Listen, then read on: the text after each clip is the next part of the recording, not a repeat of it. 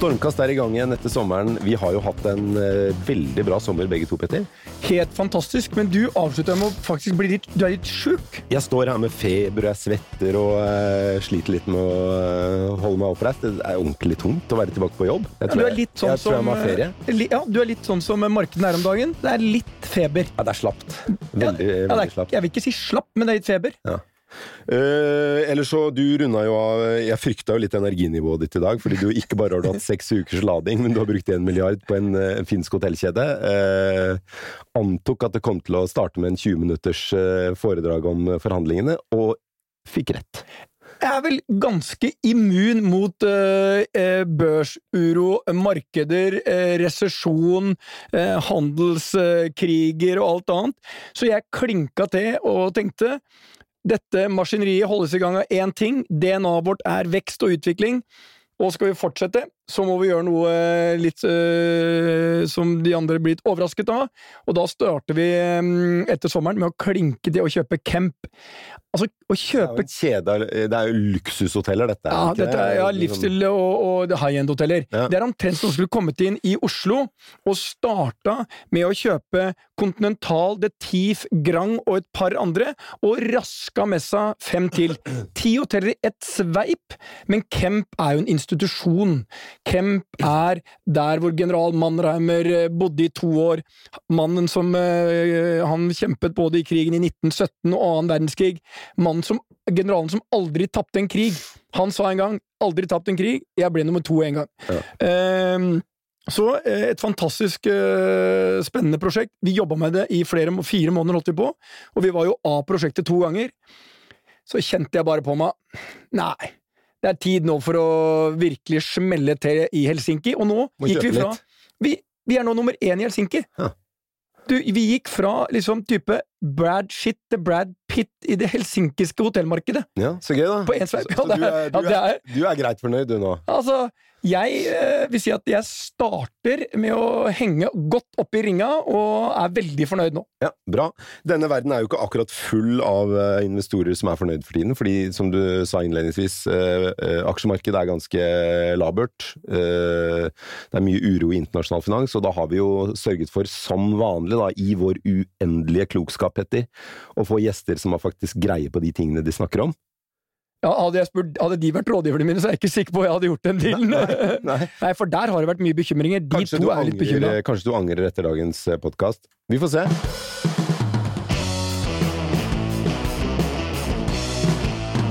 Eh, Velkommen til dere, i hvert fall Kjersti Haugland i DNB og Neira Matsic i Prognosesenteret. Tusen takk. Godt å se dere. I like måte. Du kom jo med en, eh, din eh, sønn Mm. eh, inn i studio i dag. Får håpe at eh, han Er. Det ser ut til at han har det bra der ute. Ja da, Jeg tror eh, han har det veldig godt der ute. Jeg Ja. koser seg.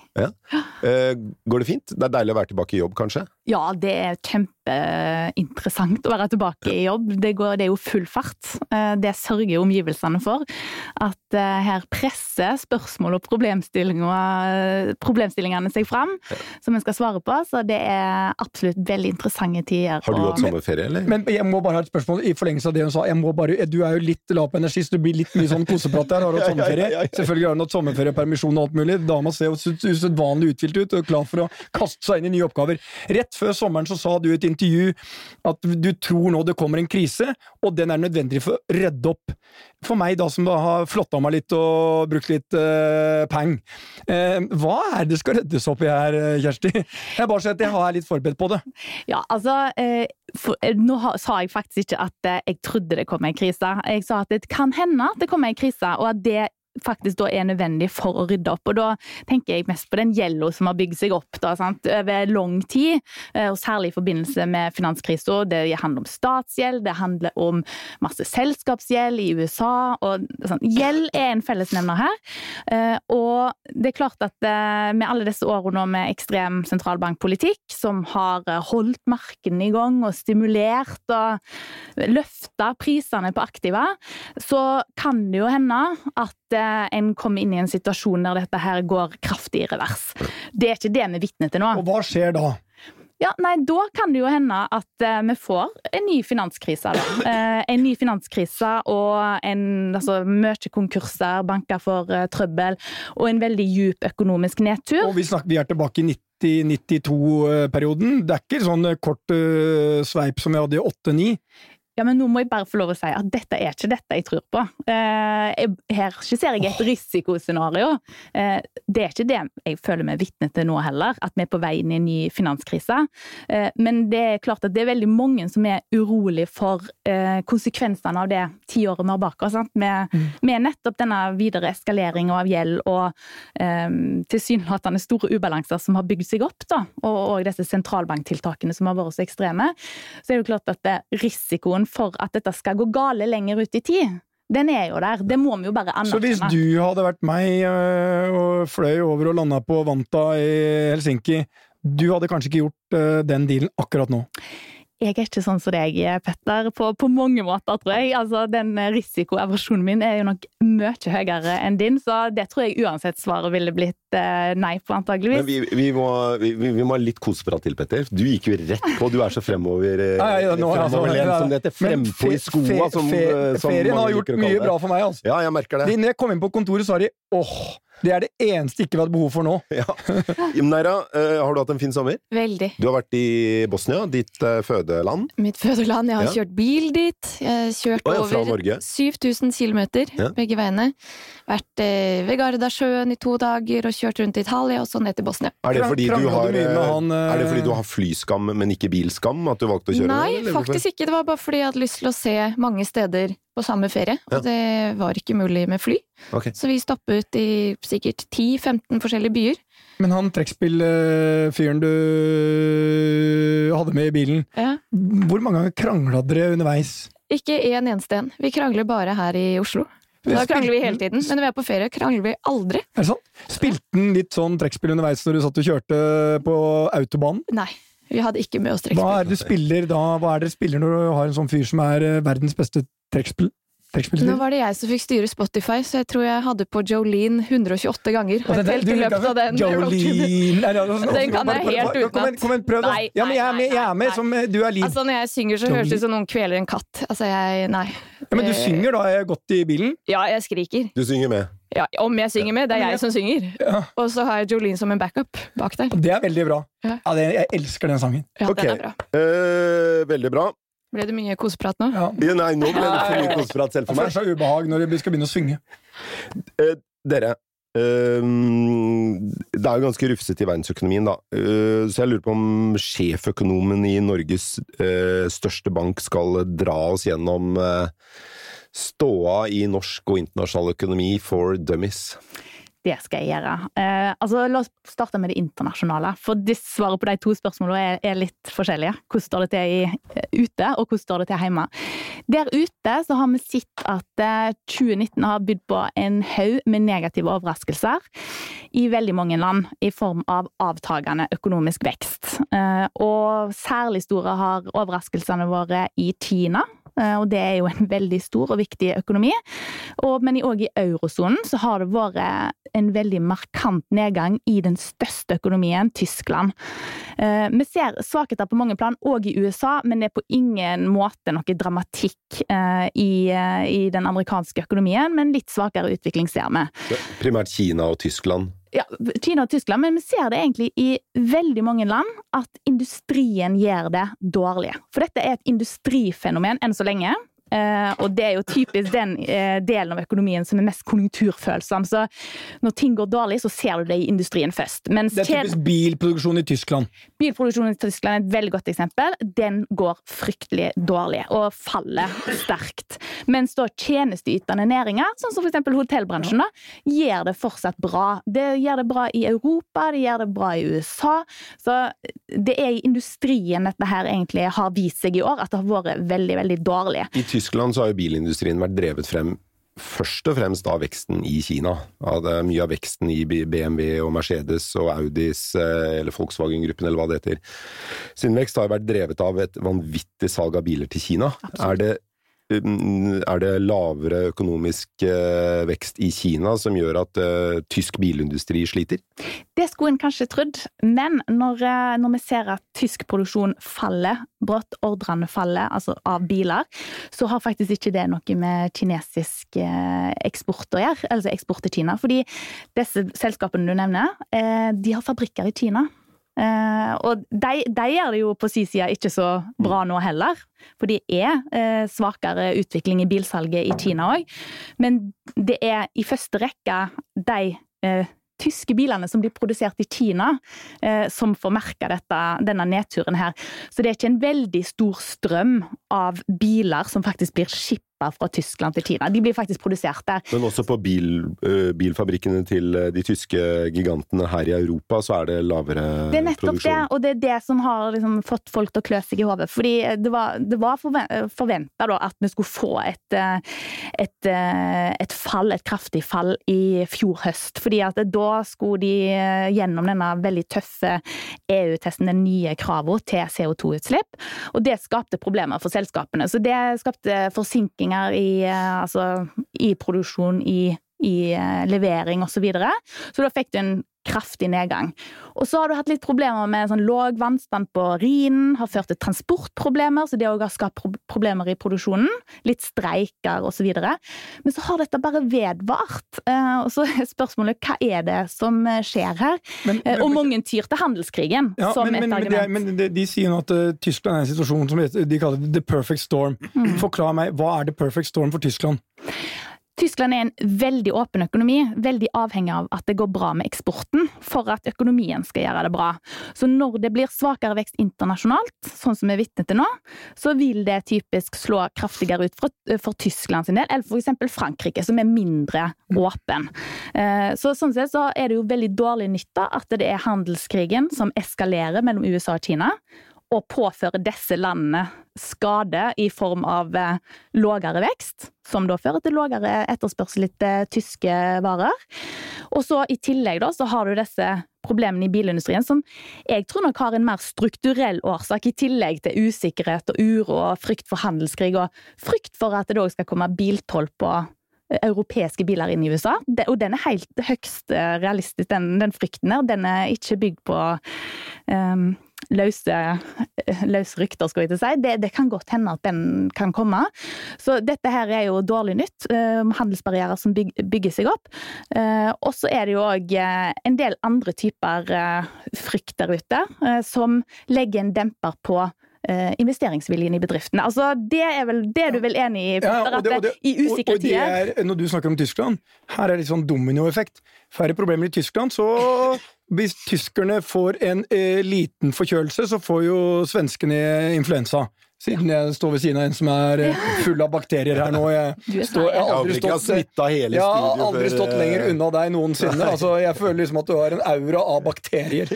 Men eh, så for, for, Svenskene er mye tettere linka til tysk og tysk utvikling tysk økonomi enn nordmennene. Hva kan vi rammes av? Vi er jo kanskje det landet i verden som er best skikka til å stå gjennom en hvilken som helst storm. Det er jeg enig i. Eh, for norsk, ja, norsk økonomi er åpen. Det er vi. Vi òg har veldig masse eksport. Eh, og eksport utgjør en stor del av vår økonomi. Men en veldig stor del av det er olje og mm. gass. Så det kan vi på en måte sette utenom. For det er ikke sånn at en slutter å konsumere olje og gass. Du får prisfall. Det får du jo. Og det ser du jo nå at vekstusikkerhet det fører til fall i oljeprisen.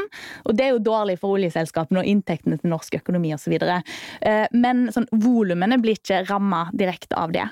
Eh, I tillegg da, så har vi fisk, og fisk er en viktig eksportvare. Det er heller ikke sånn som går veldig opp og ned i forhold til konjunkturene. Men svenskene de har på en måte varer å eksportere, typisk da, som er lenger oppe i næringskjeden. De produserer nettopp det som er veldig avhengig av investeringsvilje der ute. Så når selskaper rundt omkring nå avlyser eller setter investeringer på vent, så betyr det at de vil ha mindre av input i form av maskiner, utstyr, elektronisk utstyr og så duppeditter, som eh, eh, da Sverige er eh, flink til å produsere. Det som typisk skjer når, når, verdensøkonomien går dårligere, er jo at renta faller, og det gjør den jo også. Og noe av det viktigste for boligprisen er jo nettopp renta. Tenkte du skulle koble meg inn der, men bare et spørsmål før vi går dit. For eksempel all den gassen som vi eksporterer til Storbritannia. Den, for det er jo et av våre største eh, eksportland, er eh, Storbritannia. Er ikke det regulert av Verdens handelsorganisasjon, de tariffene? Ja. Så Nå tenkte jeg egentlig på brexit, oh, ja, brexit og det som, en, eh, som et hva sier man, et usikkerhetsmoment. Mm. At vi ikke blir så rammet av brexit på grunn av at WTO setter tariffene på gassen vi eksporterer til Storbritannia? Ja, og i tillegg til dette her, så er det faktisk inngått en rekke med avtaler. Selv om eh, folk nå er redde for oss med rette igjen, at det skal bli en hard brexit, så er det eksempel mellom Norge og EU kom på plass unnskyld, Norge og Storbritannia kom på plass mange avtaler som skal sikre at dette her ikke ja. går av eh, skaftet. Og så skal du ha selv britiske politikere skal være rimelig sausa i hodet før de skrur av norsk gass, når det eneste alternativet er russisk. Da blir det kaldt. Mm. Så det, det, det, det må være Hvis vi ikke hadde hatt alle disse avtalene på plass, så kunne de gjort noe med prisen. Altså kunne satt på, skrudd opp tollen på gass, men det kan de da Britene, ikke. mener du? Britene. Ja, men det ville de jo aldri gjort, når det eneste, eneste, andre de kan kjøpe fra, er russerne. Altså, Vi tenkte jo før at de aldri ville forlatt EU heller, men så ja, gjør de det.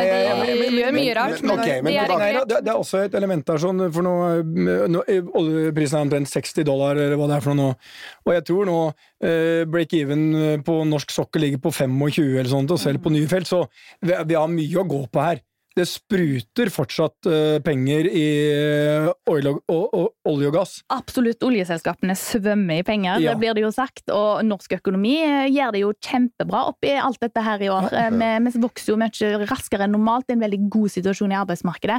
Og det er jo fordi at oljeinvesteringene løfter seg med nesten 15% i år. Vi har en sånn mini-oljeboom.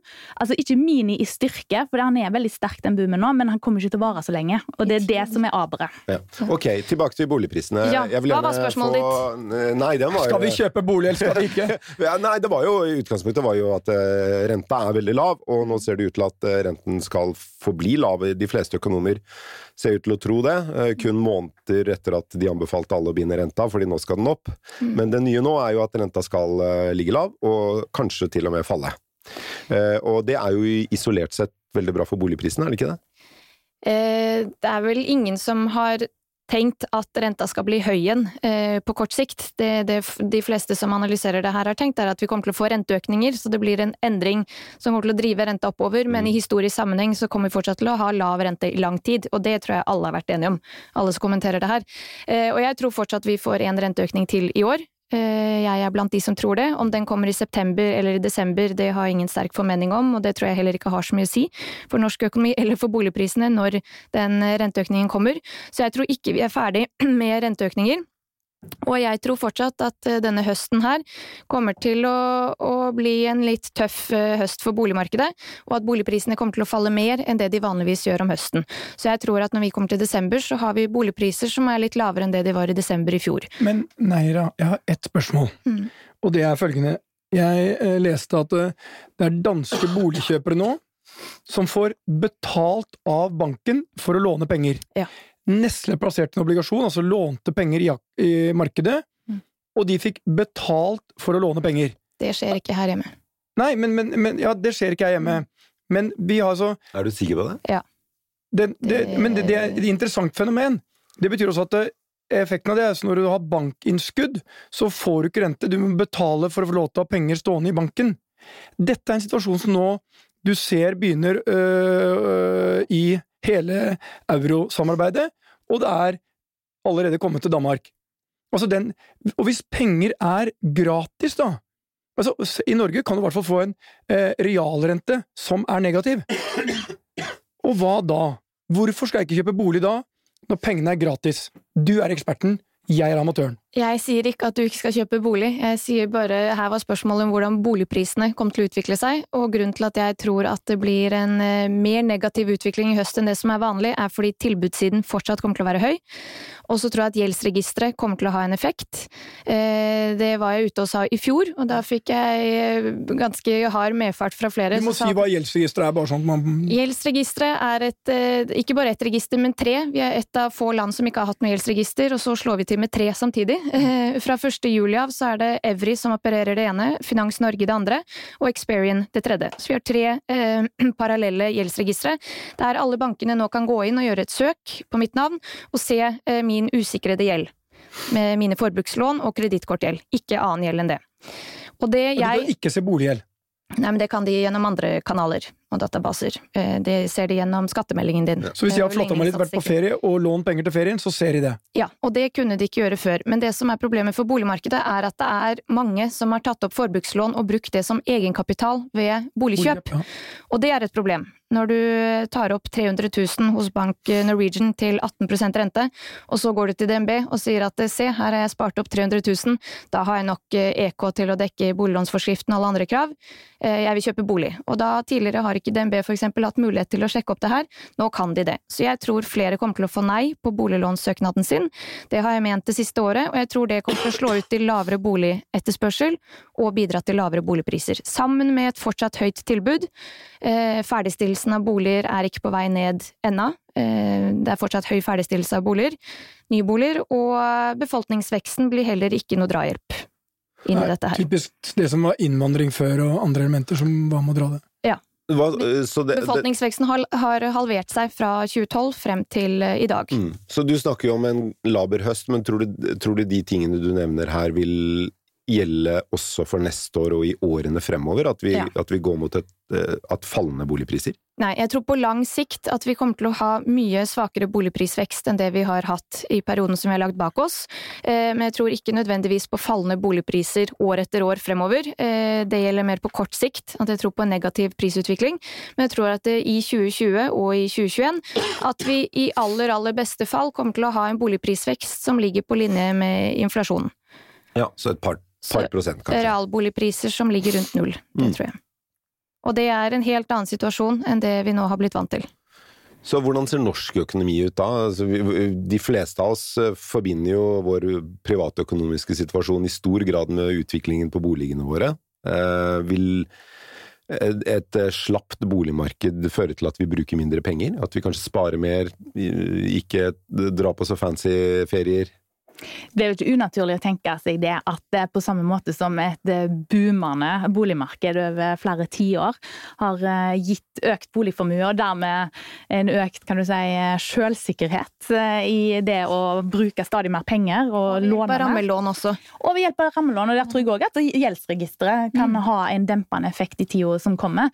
Så, så, en viss effekt, tror jeg, altså en negativ effekt av at boligprisveksten demper seg, inn på norsk vekst, det tror jeg på. Og det egentlig føyer seg inn eh, sammen med en rekke faktorer som gjør at jeg mener at vi må forberede oss på at norsk økonomi ikke skal være så spektakulært mye bedre når vi ser på økonomisk vekst og inntektsvekst, lønnsvekst eh, i tida som kommer nå samme egentlig som gjelder som boligprisene som Neira snakket om her. Eh, som det vi har vært vant med i disse gullårene for norsk økonomi på 2000-tallet, og egentlig òg etter finanskrisen. Men, men Kjersti, en ting. Hvis du skulle velge Uh, og da tar vi utgangspunkt i den der ryddeoperasjonen du uh, var ute med, som du modererte litt. Du har to scenarioer. Enten et ordentlig, en ordentlig krise som kommer sånn pang, og børser eh, faller, og boligpriser faller, og det blir ordentlig reskifling av kortene, um, og så tar man ryddejobben eh, du mhm. etterlyser. Mhm. Eller en mer sånn eh, resesjonslignende scenario hvor det siger nedover, og eurosonen blir dårligere, og det går dårligere og dårligere, men det er ikke noe dramatikk, det bare siger sakte, men sikkert rett inn i skyggenes dal. Jeg syns jo det spørsmålet er veldig interessant, fordi sånn rasjonelt så får jeg veldig lyst til å svare vi rydder opp. Vi bare tar smellen, og så bare tar vi hiten, og så jobber vi på å komme oss gjennom det alle sammen, og så er det en bedre framtid som venter oss. Men se på realitetene. Populisme blomstrer rundt omkring i Europa, USA, mange deler av verden. Eh, mange er rett og slett veldig misfornøyd med den måten som verdensøkonomien har eh, blitt håndtert, eller rettere sagt politikerne har håndtert inntektsfordeling og den slags i, i året som har gått. da. De har, eh, har, bygd seg opp mye aggresjon. Hvis vi da skulle kjøre et sånt eh, scenario, dette vil jo føre til veldig høy arbeidsledighet. En Ja. veldig alvorlig situasjon. Hva ville da skjedd uh, i disse landene her? Uh, hvor stor og høyt ville konfliktnivået blitt? Vi snakker om uh, definitivt økt fare for oppsplitting av hele EU. Og hvis en tror på at dette skal være et fred, fredsprosjekt, at det er det som egentlig ligger i bunnen, så er jo det dårlig nytt for egentlig de viktigere tingene, enda viktigere tingene enn økonomi, da, nemlig stabilitet og fred og så videre. Så jeg tror ikke vi skal, vi skal ikke kimse over at de kostnadene eh, kan bli for høye til at politikerne som da til sjuende og sist sitter og styrer litt over hvordan en skal håndtere denne situasjonen her, både folkevalgte politikere og sentralbankpolitikere, eh, at de faktisk tar hensyn til det. da. At eh, det er faktisk eh, sånn at eh, misnøyen allerede er ganske høy her, og dette kommer jo til å gå eh, hardt utover de som har det dårligst. I Europa så har det jo, som du sa i sted, det ble jo tatt opp veldig mye mm, gjeld i, hos statene for å rydde opp etter finanskrisen, og så gikk det noen år, og så fikk du gjeldskrisen, som da jo handlet om nettopp konsekvensen av opprydningen etter finanskrisen. Mm. Og siden så har det jo sluret og gått i Europa. Det har vært eh, noen gode år, eller helt ok år i hvert fall, og så har det vært noen eh, ganske svake år. Eh, og nå mm, er det jo daft i Europa, da. Ja. Eh, ha, hva har Europa å gå på? Er det noe er det, Hvis det kommer en ordentlig krise i internasjonal økonomi, og, og veksten Eller økonomien faller, Det er jo det som er Altså, skummelt, da. snakker vi om verktøykassa, liksom? ja, er, det noe, er det noe igjen å gjøre? Verktøykassen er eh, mildt sagt slunken, noe ECB aldri eh, ville ha innrømt Nei, nei, nei. eh, offentlig, men de går hardnakka på og sier at vi har massevis å gå på, og vi skal komme med en kraftfull pakke, sier de. Trykke mer penger. Null det? stress. Send de lange rentene Ja. enda lenger ned. Men sier Det Du tror det? Nei, da, tror du det? Jeg tror de kommer til å trykke mer penger. Og jeg tror Ja, det er de det de kalte sånn quantity easing. Ja, kvantitative lettelser. Kvantitative lettelser. Som er noe av årsaken til at tiåringen har bikket under toåringen. Ja, Den tiårige statsobligasjonen, da. Ja. Mm. Så, så Men er du bekymret for det? Eh, ja, men jeg har ikke noe forslag til noe annet jeg de kunne gjort på- bedre. Nei, og det er jo egentlig det jeg spør om. Hva er det man kan eh, gjøre verktøy. for å få fart, ordentlig fart på europeisk økonomi? ja, jeg tror jo at 2020-åra kommer til å bli finanspolitikkens tiår. Eh, akkurat som eh, Hører jeg inflasjon her? Inflasjon kan vi eh, for tida glemme. Det er ikke en issue. Eh, Med mindre da eh, vi får en fullstendig uansvarlighet på Men hvis du trykker mer penger ja, det, nå, de, På Kjøpmannsinstituttet så hadde vi er mer grillkurs enn Det er pengepolitikk. ja, men, men, altså, men bare sånn det er, det, er, det er bare et eller annet altså, Hvis du trykker mye penger og sånt, og så kommer inflasjonen. Men du sier at det er den, den, øh, skjedd den så langt. Det har ikke skjedd sånn, for det har ikke kommet ut til, altså, det har ikke kommet ut til publikum. Altså, det, vi får ikke noen sånn inflasjonsdrivende effekter hvis ikke dette her og da faktisk eh, De pengene som blir da trykt i sentralbanken. Men så Hvis de kommer ut i, blant Ja, publikum nå har jeg et sånn Det stormkastforslag. Men, nei, nå skal jeg gjøre mitt stormkastforslag. Du tar et sånn svært fly som vanligvis slukker branner, fyller du det med penger, så kjører du bare over de store byene og slipper det ned, så det blir fritt distribuert, helt tilfeldig. Nesten Og litt sånn som det Norwegian-flyet gjorde nei. over Fiumcino i går. Ja, men det var, det var deler, deler, og du kan ikke bruke Men tenk da, da hadde du solgt flere bassvesker, eh, og bassveskeindustrien, eh, som du driver med på si, den hadde jo boomet. Folk fikk plutselig Det, det, det datt ned eurosedler og eh, tusen- for president. Ja, men, jeg er veldig glad du ikke er eh, men distribusjon jeg tenkte sånn, Det hadde vært en effektiv distribusjonsform som var helt sånn eh, Helikopterpenger. som Helikopterpenger. Det er det det blir kalt. Og det det. er, det er altså, Dette er en kontroversiell eh, måte å løse ting på, men det er akademikere som absolutt eh, argumenterer for at sånn burde vi løse det. Jeg tror ikke det kommer til å gå så langt, det vil jeg si er i så fall et risikoscenario, men jeg tror at vi kommer til å bruke mer penger over finansbudsjettene fremover, på tross av høy gjeld i eurosonen i USA. Og hvorfor det? er Jo, fordi at lange renter altså den, de pengene de må betale på gjelda si, er så lave. Eh, rentene er så lave nå.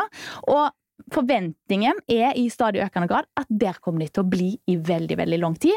Og da sier sånne storheter som f.eks. IMF sin tidligere sjeføkonom, Olivier Blanchard, for å si det rett ut Gjeld har ingen finansielle kostnader. Men nei, jeg har et viktig boligspørsmål nå. Mm. For dette er situasjonen. Det betyr jo egentlig, hvis dette scenarioet som Kjersti drar opp nå er riktig, så bør man jo kjøpe bolig, men bankene bør si ikke betal renter i det hele tatt. Fordi eh, hvis du har den danske situasjonen, nå, og dette er jo bare eh, Tenk situasjonen. Banker har begynt å betale tilbake når du låner penger. Det vil de ikke gjøre, så de sier lån penger av oss, ikke betal renter nå, betal om ti år. Vi må skille på om du skal kjøpe bolig til deg selv for å bo i den, eller som en investering. Veldig stor forskjell. Hvis du skal bo i den selv, så er det no-brainer. Da, da kjøper du en bolig. Elsker det uttrykket, altså. No-brainer. Ja, Løp og kjøp. Per. Men hvis Du kan kjøpe større bolig. Du har jo masse barn. Bolig nummer tre og fire og fem, eh, og det er din eh, alternativinvestering, og du velger å gjøre det istedenfor å kjøpe aksjer, så må du begi deg inn på denne analysen du snakker om nå. Så det er viktig å skille helt i starten. Hva er formålet? Men det, den Det er mulig at vi kommer til å bli kritisert litt for en del eh, lettvinte løsninger. eh. Ja, men den er, jeg, jeg snakket jo litt om det innledningsvis, dette med fastrentetilbud. Og det var, jeg vet ikke hva du anbefalte, Kjersti, men det var jo ganske mange økonomer som Jeg anbefaler aldri. eh, Nei, det er bra. Eh, altså, jeg er verken fraråder eller anbefaler. Fordi det var ganske Jeg bare ber, jeg ber om at vi snakker om noe annet. Her står en mann som akkurat eh, Ja. så at eh, fastrentetapene mine passerte 700 millioner nå, så jeg Vant du kjenn- renta, Petter? Ja. Eh, nei, det var en eh, bank, skal ikke si hvem, for det er noen her til stede fra den banken i dag, som, eh, som, eh, som mente at det var fornuftig å binde rentene for en tid tilbake. Det er noen år. Um, og det, det koster mye. Men Ja, det er det- også en forsikring. Poenget mitt må, det må være Det det, det. mest meningsløse finansielle produktet som er å oppdrive i internasjonal og norsk økonomi i dag, er et fastrentetilbud. det Nei, det er jo noen som trenger den sikkerheten. Hvorfor har vi forsikring? Hvorfor forsikrer du bilen din? Hvorfor Ja, men forsikrer er du hjemmet ditt? Er det, noen, bare kjøp er det en nevneverdig risiko for at renta skal opp? Sånn er det etterpåklokskap fra. Valbrokk her. Liksom det er der, Jo, jo. De Nei, nei, som nei, har nei, en usikker jobb og har en usikker inntekt Gikk du kort på alt? Ja. Altså, jeg har jo ikke bundet renten. Det er jo idiotisk. Du vinner nesten aldri Her på å binde idioten. renten. Men, ja, ja. Og han har brukt opp alle feriepengene sine på camp. Ja, ja, ja. Men, men hvorfor skal man binde renta med alt det dere sier om utsiktene i norsk og internasjonal økonomi? Det er en en forsikring. Ja, men du, forsikring må du jo ta opp når det er en risiko. Ja, og det er en risiko for at huset ditt brenner, og du har forsikring på det. Ja, ja. Og det er en Men nå risiko for at snakker vi om, eh, men renta skal opp. husk, du får ikke Det kan komme situasjoner som smeller, og da er det kanskje ikke 25 punkter. Da er det kanskje 250 eller 500 punkter. Ja, men situasjoner kanskje. som smeller, som smeller, sånn du Yes. tenker på, vil jo alle som en ha en negativ innvirkning på renten. Altså de vil være med på å drive renta ned. Det kan være positive sjokk. Ja. Ja, og hva er utsiktene til det? da? Hva er mulighetene for det? Eh, Petter har rett, at det blir eh, hyperinflasjon. At plutselig alt det med har sett av sentralbankpenger, Plutselig tyter ut. Ja. Og så klarer de ikke å få kontroll på det. Og hva gjør du da, Per? Plutselig tyter ut. Hvor skal de plutselig tyte ut fra? Nei, de kommer ut i realøkonomien. Det er som sand i Sahara. Begynner å skape jobber, lønnsveksten tiltar. Ja, tror vi på det? Det kan skje. Ja, men tror vi på det? Det kan skje om 10-15 år. Det Ja, skjer kanskje 10-15 år, men så lenge kan jo de fleste ikke binde renta likevel. Men Jo, tru er noe vi gjør i kjerka. Det er er visst scenario. Tror. Tror du på at huset ditt brenner? Det er Ja, men ingen nå som snakker vi om renta, Petter. Ja, men det er Det er litt samme. uvanlig, for nå er egentlig Petter litt sånn eh, nettopp den at nå må du se risiko her. Fordi Ja, at det, men en ting er er, hva du tror på. han er for full av medisinering, ikke sant? Og plutselig har den mannen ja, som jeg ser ikke én eneste grunn til å tro at renten skal opp de neste ti årene. Det er det mange som har gjort i andre situasjoner òg, og så har det gått eh, rett. rett. Eh, ja. Ja, Eh, og så, i, så Si en sånn situasjon. Nei, vi hadde jo ja, 1990-92. Nei, men La Kjersti svare, da. Det er jo hun som har ja, greie på dette. mener du? Si Ja, en sånn situasjon der man har gått på en sånn rentesmell, på en rentesmell. Ja, hvor, i USA, da. hvor utsiktene har vært vært som de er nå. Ja, nei, det kan jeg ikke forstå. Nei, du kan ikke komme på en sånn Men i begynnelsen av 80-tallet så smelte jo renten opp for å knekke Ja, ja, ja, ja. Men den gang så var det jo inflasjon i internasjonal økonomi. Og Den er jo med borte. all- Ja, men ja, men det kan- ja, men her kommer jeg med et scenario. Hør her. Nei, Det bryter ut krig i hele Midtøsten Ja. i morgen. Ja. Det er bare alle oljefeltene bare shut down. Eh, oljeprisen stiger til 120 dollar fatet Ja. plutselig. Det Ja. er veldig mye mindre olje i omløp. Eh, hva skjer i Norge?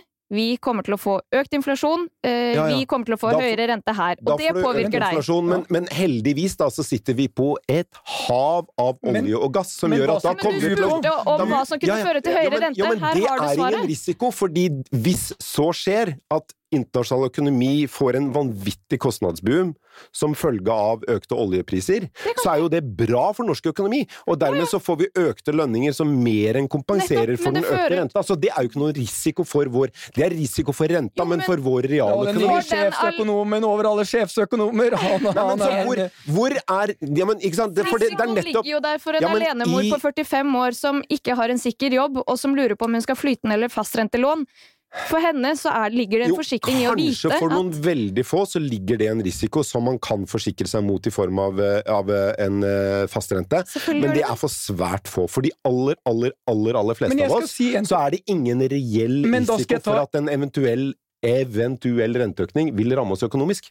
Men nå, når fast, det, er en annen, et annet scenario som jeg liker, her sånn det, Lang rente er allikevel så ekstremt lav! Det er så ekstremt billig å binde renta i ti år! Så hvis du nå kan binde og si at det er en halv prosentforskjell for deg på å gå kort og gå langt, Mm. hva velger du da? Jeg velger å gå flytende. Ja, du velger å gå flytende! Definitivt, og det vil jeg anbefale alle andre å gjøre òg. Selv på et halvt prosentpoeng. Ja. Selv på et halvt prosentpoeng. Altså, du, du er jo den der risikoperverse typen her nå. Du er sa du hadde litt feber. Altså, det, det her er feberen Når- steget to ja. Når verdensøkonomien, når europeisk økonomi og norsk økonomi kan, kan klare å gå gjennom en periode med pengetrykking helt uten sidestykke i internasjonal økonomi, og likevel ha fallende inflasjon, fallende inflasjon til tross for en formidabel pengetrykking, så er det ingenting som tyder på at inflasjonen skal opp. Men Per, dette er et eksperiment. Det er ingen som har gjort Absolutt. dette før. Vi vet ikke hvor lang tid det tar før man ser effekten. Kanskje vi får en ketsjup-effekt. Mm. Kanskje vi om et år eller to år plutselig får opp får liksom en oppsamlet effekt av all pengetrykkingen, og så sitter vi der og så tenker vi sånn åh, er det sånn her dette virker? Men den oppsamlede effekten vi vil være på nedsiden. Den vil jo Hvordan- i så fall Nei, skje ved at du har hatt en ekstremt skjevfordeling av investeringene. Du har investert altfor mye i noe som smeller noe så kraftig fordi det har vært en overinvestering i den sektoren, og det kan typisk være eiendomssektoren, som smeller så skikkelig, sånn at økonomien vil få en, en skikkelig knekk. Som driver renta videre ned, men det er jo ikke så veldig mye mer rente igjen å drive ned. Det er jo ingen, ting som Jeg kan ikke For det første så er det andre skal ting som styrer renteutviklingen, akkurat hvordan sentralbankene setter renta. Ja. Det er jo risikopåslag, pengemarkedspåslag, Ja. som gikk jo sånn at renta steig jo faktisk under finanskrisa sjøl i begynnelsen, når Norges Bank Ja, satte ned renta, bare for å ha sagt det. Men tenk deg mer sånne ekstreme scenarioer som kan inntreffe hvis du får en fullstendig tillitskrise da, til eurosonen sin økonomi. Eh, altså kanskje i forbindelse med gjeld og, og forbindelse med at eh, det ikke virker som om samarbeidet da kommer til å holde. Du kan jo få et fullstendig kollaps i valutaen, sånn som Ja. du har sett i andre land, som fører til hyperinflasjon. Ja. Vi importerer massevis fra de landene der. Eh, Så det, Men det ville være Men- men- men det- tilsvarende men som en naturkatastrofe eller krig, som du jo for øvrig da ikke kan forsikre deg mot. Du kan ikke ta innboforsikring mot en krig. Eller eh, en atombombe som faller på huset ditt. Ja, Like dette lite som du kan ta mot Ja, men hvorfor skulle du det? Det er ingen økonomiske insentiver til å ta forsikring mot den type ekstreme eventualiteter. Når alt tyder på at vi ikke trenger Men, den. men det, det Kjersti er innom her, er også ganske interessant. Jeg husker jeg var i Svenske Handelsbanken og lånte penger på eiendom. Da var renta høyere. Påslaget de hadde da, var 0,25 punkter. Og vi trodde den skulle ned til 0,2, liksom. Og venta. Så, i dag, så er det nærmere 150-200 punkter. Altså nesten ti ganger så høyt. Det elementet der også er det mange som glemmer. Det handler om risiko. mm, Så selv om renta er lav, så kan, og det, det er viktig å forstå det Kjersti nå, så kan risikopåslaget bli mye større. mm. Og da endres parameterne dine, Per. Ja, det gjør de. Men eh, det er svært usannsynlig at det vil skje. Det var eh, Og så tror jeg, jeg tror vi må ha nettopp det at det er folk som er i en mye mer strukken situasjon enn du sikkert føler at du Ja, er i. det, er, det er noen svært få som vil Ja, Det er noen som har lånt veldig veldig, veldig masse penger i forhold til inntekt. Mm. Det er ganske mange av de der ute. Mm. Og de, du kunne jo sagt at den situasjonen burde de ikke ha satt seg sjøl i, men de har nå gjort det, da. Og da er, kan det være lurt å, å tenke over om Ja. de skal forsikre seg. Men ok, vi må snart gi oss med fastrente. Men, men jeg vil bare si én ting til, fordi der kommer du inn en risiko som ligger i selve instrumentet. At hvis du da har uflaks med renteutviklingen, og du da er i en veldig presset situasjon, kanskje til og med mister jobben, men du sitter der med det fastrentelånet, øh, og så er den flytende renta sånn at du må faktisk betale for å bli kvitt det der hersens fastrentelånet når du må selge boligen din Mm. fordi den økonomiske situasjonen din har endret. Mm. Så det er jo ikke risikofritt å ta opp et fastrentelån. Er jo ikke det i det hele tatt. Det er en stor risiko i at du må betale ut det som lånet. Neira Hvis du kjøper den for å sitte Hvis lenge. Ja, hvis du må kjøpe, Og da vet du nøyaktig hvis hvilken du rente du er skal i en betale. presset Ja. økonomisk Jeg, situasjon jeg vil si at det er ikke kostnadsfritt, men det er risikofritt. Du vet jo akkurat hva du skal betale. Åh, vakkert! Ja, det er ikke det bra sagt. Og det der var den Kan var noen skrive ned det? en, altså, Men det er feil. Det er feil, for det er risiko i et fastrentelån hvis livssituasjonen din endres så mye at du må selge boligen og dermed realisere Men du vet akkurat hva du skal betale. Det er null risiko. Men du vet ikke det hvis du må endre livssituasjonen din, Jo, og du må du realisere er. fastrentelånet ditt. Og du vet jo hvor mye det koster deg Ja, å komme deg ut av avtalen. Hva du må Jo, når du inngår en avtale, Nei, du vet, ikke, du vet ikke prisen for å realis- realisere fastrentelånet ditt eh, hvis det skulle gå gærent nå! Det kan du ikke vite! For du vet ikke hva den prisen er. nei. Har ikke peiling! Sånn Ja, så det er en risiko i et fastrentelån. Mm. Ok, Ja, men skal vi eh, Med de kloke ordene fra meg der, Ja. så må vi, må vi begynne å det runde er av. redaktørens rett til å bare ta ordet og slippe det ikke, og gi Det deg ikke uansett. Det er det, så vi må kjøre på med ukas bær, vi, Petter. Ja, Det var en veldig brå overgang. Veldig bra overgang. Ja.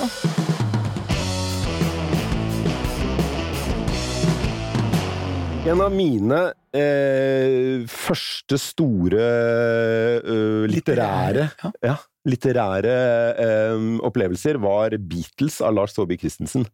En fantastisk bok som jeg vet at veldig mange i min, min generasjon, som eh, hadde som ungdommen på 80-tallet eh, og vokste opp på 70-tallet, hadde stor glede av.